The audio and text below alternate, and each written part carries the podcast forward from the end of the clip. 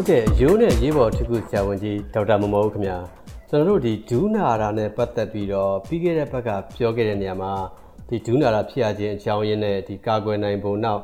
လက္ခဏာပထမအဆင့်ပေါ့နော်ဒီအဆင့်1နဲ့ပတ်သက်ပြီးတော့ဒီဖြစ်လာတဲ့လက္ခဏာတွေနဲ့ဒီကုသနိုင်တဲ့အနေအထားတွေကိုပြောခဲ့ကြပါတယ်ဆရာအဲ့ဒီတော့ဒီတစ်ခေါက်မှာဆရာကြီးဒီ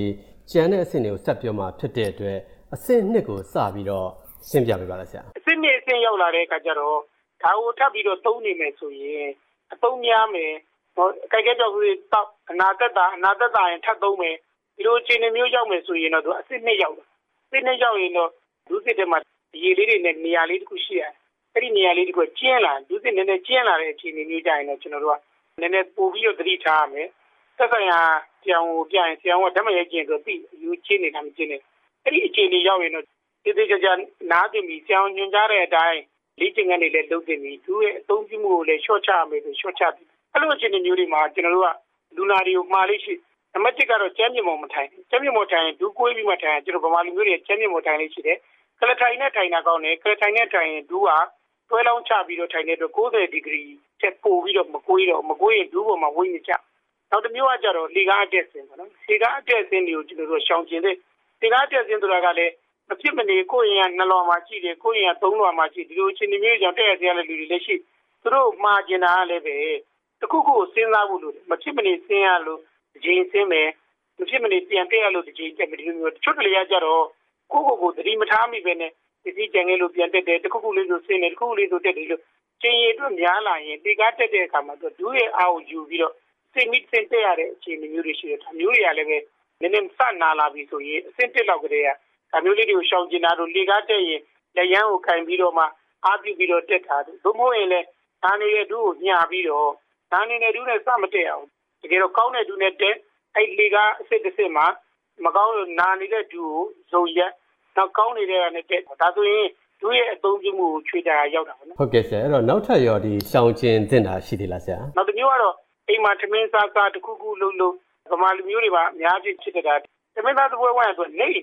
နေရီဆိုသူတို့ပြင်ဘလို့စပွဲနဲ့ကလထိုင်နဲ့မစားကြဘူးကျွန်တော်တို့ရဲ့ဒီယိုဖလာရစပွဲဝိုင်းနဲ့စားရင်အားလုံးကတမင်ကိုကြည့်ကြည့်ကြည့်ဒူးတွေကိုကျွတ်ကျွတ်ထိုင်နေတဲ့ဒီလိုမျိုးတွေအချိန်မှလည်းသူပူနာတဲ့ဒါလေးတွေလည်းသူကနည်းနည်းရှောင်ပေးဖို့လိုတာပေါ့နော်။မလက်ဖက်ဆိုင်တိုင်းနဲ့စားတော့တိုင်းတိုင်းနာဆိုခုံပုလေးတွေထိုင်ရင်ဒူးက90ဒီဂရီပူကိုရမယ်။ခုံမြင့်မှာသွားထိုင်တာတို့ကိုဒူးနာနေလို့ဆိုပေါ့နော်။နောက်တစ်မျိုးကတော့တကယ်တော့နာနေတဲ့အချိန်မှာထပ်ပြီးတော့ဒီဥစ္စာကိုပို့ပြီးတော့မနာအောင်ပို့ပြီးမပြည့်စည်အောင်ဟိုမှာတောင်မွေးပဲဖြစ်ဖြစ်ဒုက္ခပဲဖြစ်ဖြစ်တ ခုခုကိုအစင်းနဲ့ဝယ်လို့ရတဲ့လက်နဲ့ထောက်ပြီးတော့သွားလို့ရတဲ့ဟာပဲဖြစ်ဖြစ်ဒါမျိုးတွေကိုသုံးပါလို့ပြောရင်အများအပြားအချက်လို့မသုံးဘူးလို့ဘာလို့လဲဒါတွေကသုံးတင်နေတကယ်ဆိုရင်တော့ကိုယ့်ရဲ့ဒူးကိုညာဖို့ရောင်နေတဲ့ဒူပို့ပြီးတော့မပြည့်စည်သွားအောင်ဒီလိုသဘောမျိုးရှိဟုတ်ကဲ့ဆရာကြီးအဲ့တော့နောက်ထပ်ရောရှောင်ကျင်တင်တာတွေရှိသေးလားဆရာဒီနေ့တအားနာလို့ဒူးကရောင်နေပြီဆိုရင်တော့ပထမဆုံးအဆင့်ကတော့နားလိုက်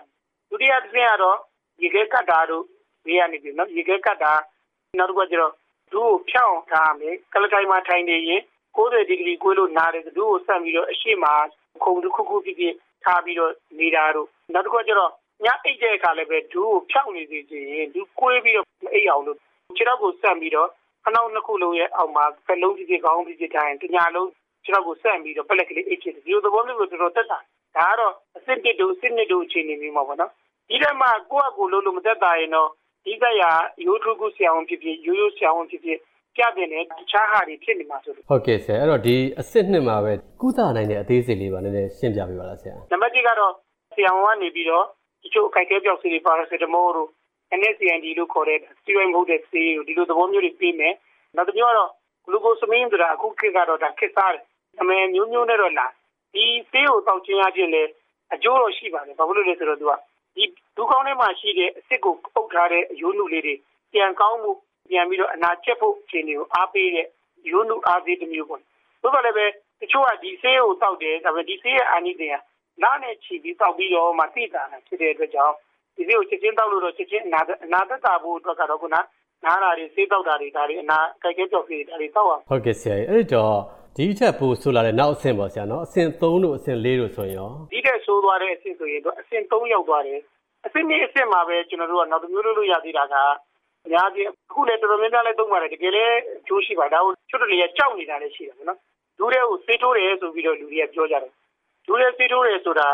မကောင်းဘူးမဟုတ်ဘူးသူကောင်းပါတယ်ဒူရက်ဆေးရဲ့ဆေးကအခုခေတ်တော့ဗမာပြည်မှာဝယ်လို့ရတာတော့ဆေးနှမျိုးရှိတာပါလေဒီမျိုးကတော့ကျွန်တော်တို့က steroid ကိုထိုးပြီးအယောင်ကျတယ်နာသက်တာတယ်နောက်တစ်မျိုးကတော့ အစစ်ထဲမှာရှိတဲ့အရည်တိုင်းဖန်တီးထားတဲ့အာလူလိုနေအစစ်ဆိုတာရှိတယ်အဲ့ဒီဟာမျိုးထိုးလို့ရတယ်